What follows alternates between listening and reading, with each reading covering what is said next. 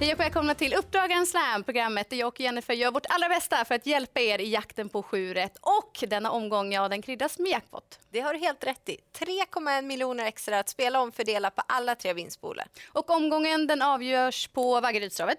Som brukar ha en bra utdelning. När det är Grand Slam 75 på Vaggeryd så är genomsnittsutdelningen drygt 200 000.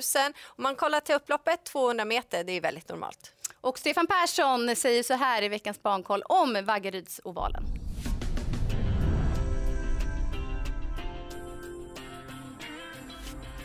Men känslan är att det är ganska svårt att ta något eh, om man sitter långt bak på Vaggeryd. Jag tycker det, fast det är ganska långt upplopp så är det ofta svårt att hinna dit eh, när man sitter i kön tycker jag. Tänker du, tänker du så ibland när du kör att, att nu måste jag förbättra positionen här för det är jobbigt att ta något över upploppet? Nej, det är väl lite svårt. Man får köra ungefär som vanligt ändå tror jag.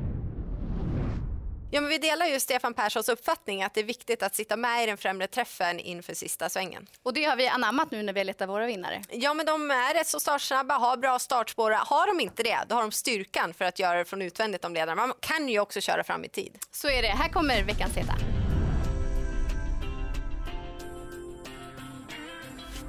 Och vi börjar direkt i den första avdelningen med nummer fem, Maestro Michel, som återkom senast efter ett litet uppehåll och var då duktig tvåa bakom vinnande Icebreaker Sisu. Rapporterna från stallet var tydliga, ingen toppform direkt i den starten, så att jag förväntar mig en vassare prestation denna gång. Så lopp i kroppen, rätt distans, startsnabb och perfekt utgångsläge, ja det är klara plus. Sen ska sägas att hans segrar hittills i karriären är inte tagna från ledningen, men i främre träffen. Så det blir spännande att se vilken taktik Sörel Boel använder sig av på söndag. Hett segerbud oavsett.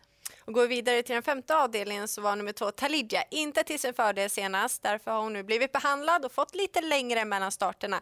Träningsrapporterna är goda inför det här och löper hon bara upp till sekundande, ja från det här fina utgångsläget så ska hon se med riktigt bra chans. Man vill alltid vinna, men det kan vara extra viktigt när ettan sitter högst upp i resultatraden, vilket gör för Talidja. Och om hon inte plockar nya poäng nu så tappar hon väldigt många. Så det kan i alla fall vara värt att tänka på. Så är det. Och går vi till den sjätte avdelningen så är det ett roligt långlopp. Jag tror mycket på nummer sex, Bransbys Jukebox. Tio år ung och har väl aldrig varit bättre Jennifer. Som man såg ut senast på V75. Tung bana på Momarken, men han var ändå starkast. Nu aviserar Hans Krebas att de gärna vill till Harp Hanovers lopp under Elitloppshelgen och då krävs det poäng, helst gärna en seger denna söndag. Därav tror jag också att det blir det här skorycket, vilket är ett plus. Han har inte gått barfota sedan i höstas och dessutom tror jag att Hans Krebas har taktiken klar. Tidigt köra sig till ledningen och sen inte släppa någon i närheten. En bra taktik på Vaggeryd. Verkligen. Och i avslutningen så har ju 12 Dublin Fee tjänat mest pengar i den här spårtrappan. Därför hon också har sämsta utgångsläge. Men hon kommer från två raka segrar som verkligen har övertygat. Hon har visat att hon har tålt att göra grovjobbet på egen hand. Och jag är inne på att hon är tuff nog att runda hela fältet. Dessutom så förstärker Carl Johan Jeppsson i sulken och han brukar ju köra i tid. Det brukar jag göra. Nu till veckans sista heta som vi hittar hos veckans profil. Och ni har redan lyssnat till honom, Stefan Persson.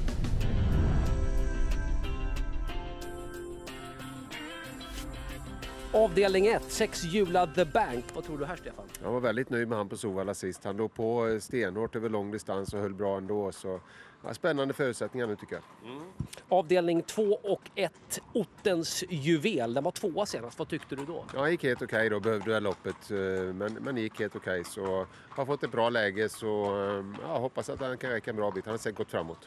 Avdelning 4, spännande häst, Neo Brady DE. Vad tror du här Stefan? Ja, i hög kapacitet på honom tycker jag. Han eh, funkar inte riktigt senast i voltstart och snurrade han till det för sig. Men starterna innan har varit jättebra så att eh, ja, det, det är en bra och spännande häst. Mm. Vi går till avdelning 5 och 8, Madonna F. Vad tycker du om henne? Ja, det är också en häst som jag gillar men, men har inte funkat riktigt. Senast på Eskilstuna fick hon inte travet att stämma alls. Vad det berodde på vet jag inte riktigt men har ju också ett, ett dåligt läge så vi får ligga lite lågt där.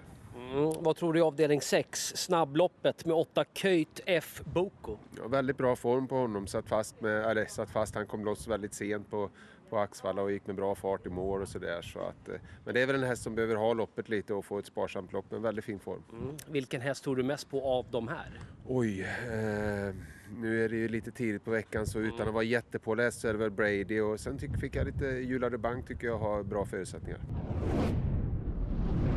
Och vi håller med Stefan om att det är nio Brady D i den fjärde avdelningen som är hetaste chansen. Ja, han har flera intressanta chanser, men det är just Brady D som sticker ut. Han, trots då bakspår, skulle kunna vinna med halva upploppet om han fungerar fullt ut. Fortsatt eh, för lite pengar på kontot och han vet hur man sveper fält. Det gör han verkligen. Det var vår heta omgång igen. Nu vidare till veckans kalla.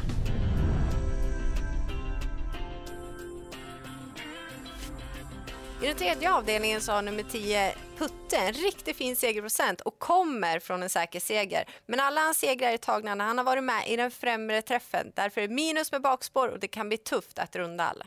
Och går vi till avslutningen så har nummer 9 Bahia en snygg programrad och hon har vunnit två av fyra lopp i år. Dock har hon inte startat på åtta veckor och det här bakspåret är ett klart minus för hennes del. Jag tror det blir tufft att runda alla på Vaggerydsovalen så jag rankar ner henne.